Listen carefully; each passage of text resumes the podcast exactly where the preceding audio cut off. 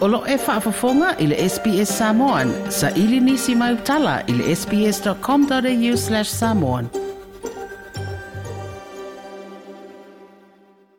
I se whaalinga whalawa i tele mai le moto le tupu o Peretania i Buckingham Palace, na tā uai lea a fia o le fionga i a Salesa le tolu po King Charles III i se kānesa ma o loo whaia nei i a ini tonga whitinga.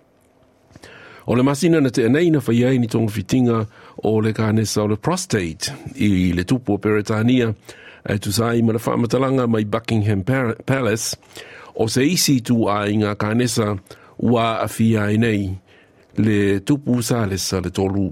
Na au mai e se mai le pālemia Anthony Albanese e ave ai o le atunu ui au se nei. This is uh, difficult news and we hope for King Charles, for His Majesty, and for all of their family. All of the very best. We want to see His Majesty return to full duties as soon as possible. Uh, we, of course, uh, look forward uh, to the Commonwealth Heads of Government meeting will be held in our region. And, of course, uh, we have invited uh, King Charles to visit Australia, and we sincerely hope that that is able to occur.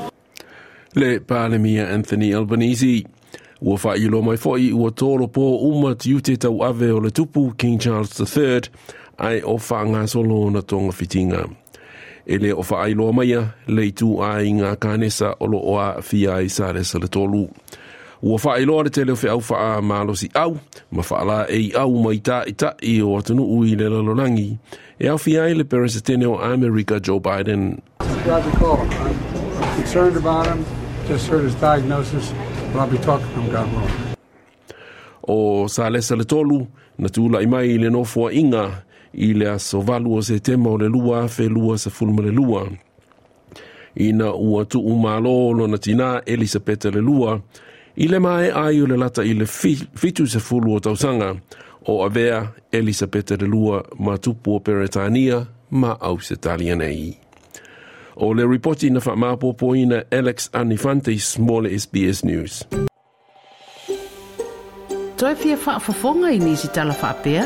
Whaafafonga i le Apple Podcast, le Google Podcast, Spotify, ma po o whea lawa e mawailau podcast.